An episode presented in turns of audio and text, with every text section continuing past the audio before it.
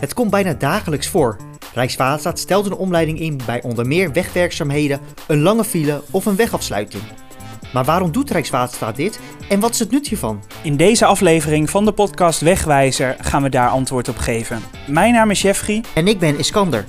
Nou, we beginnen deze podcast bij een collega die alles weet over omleidingen. Ik ben Pieter van der Veen, uh, werk bij Rijkswaterstaat, Verkeerscentrum Nederland.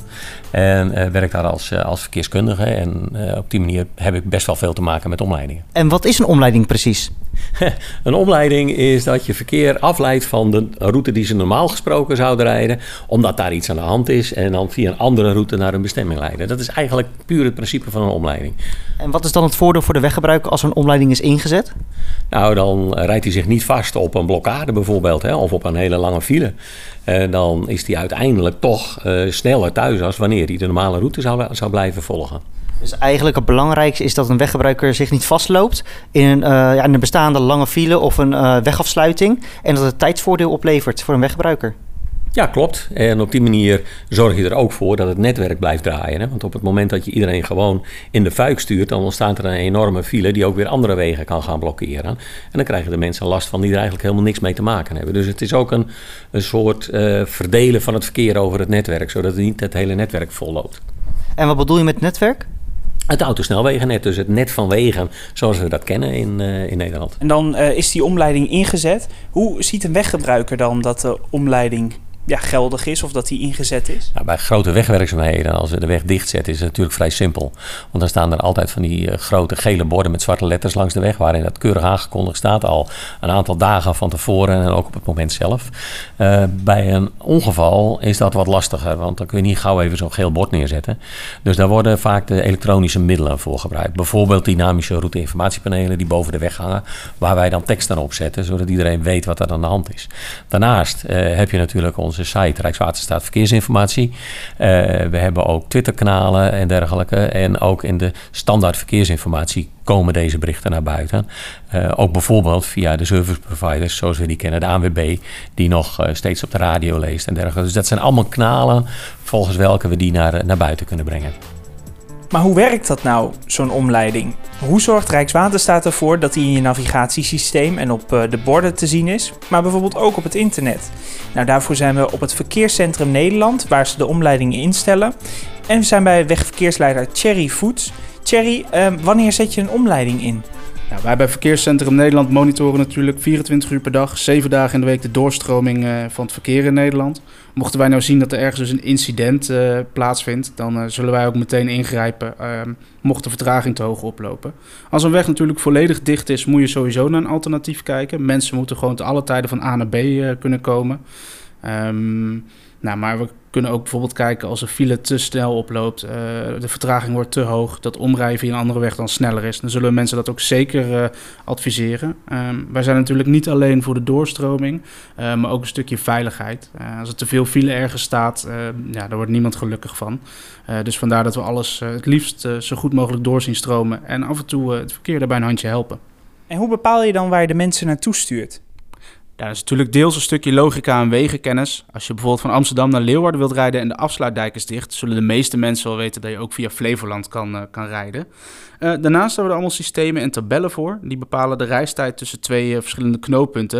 En die laten ook gelijk de alternatieve route zien en hoe lang de reistijd daar is. Zo kunnen we gelijk zien bij welke vertraging het reistijd winst oplevert. Want daar gaat het natuurlijk om. Dat mensen uiteindelijk sneller zijn met de alternatieve route dan de route die ze gepland hadden.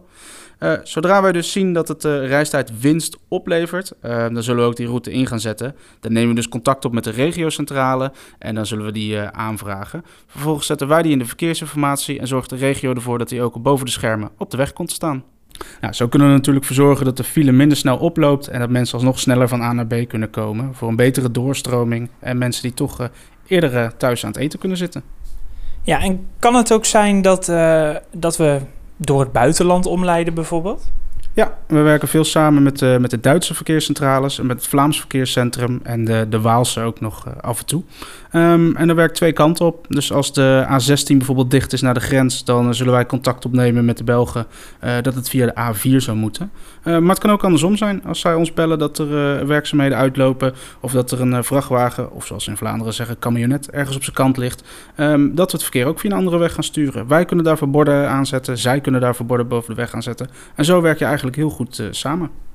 Thierry, hoe zorg je er nou voor dat de omleiding voor de weggebruikers te zien is? Nou, zodra wij uh, een melding van een incident krijgen, zullen we gelijk ook met de regiocentrale gaan schakelen. We hebben in Nederland naast Verkeerscentrum Nederland nog vijf regio's die ieder hun eigen stukje weg hebben.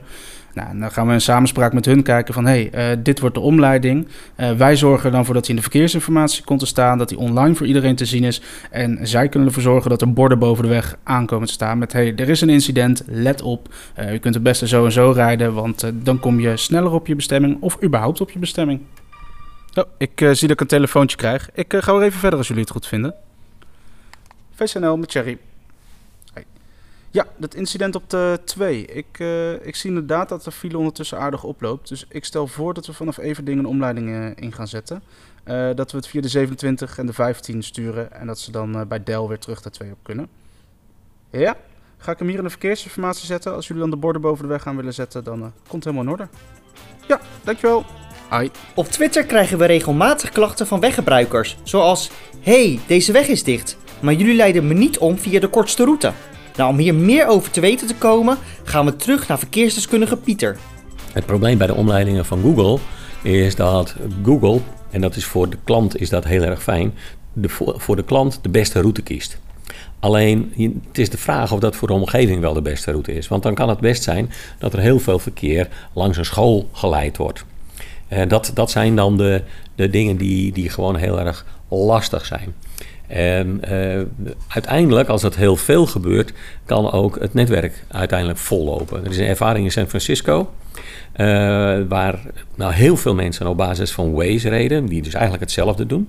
En iedereen die vond op een gegeven moment dat Waze hele goede omleidingen deed.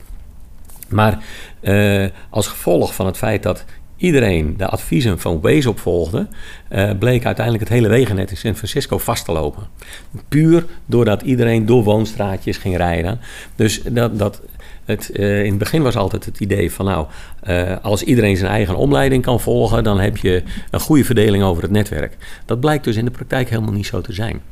Dus de algemene omleidingen zoveel mogelijk over, uh, over het hoofdwegennet, het rijkswegennet, levert uiteindelijk uh, de, de beste netwerkprestatie op. Dus het beste resultaat voor, uh, voor iedereen. Niet individueel, maar wel voor het hele netwerk. Ja, precies. Want je zei het al, klant. En ik neem aan dat je daar de weggebruiker mee bedoelt. Ja, ja dat, dat zijn jij en ik in onze autootjes die op Google gaan rijden. Dit was de zesde aflevering van de podcast Wegwijzer van Rijkswaterstaat.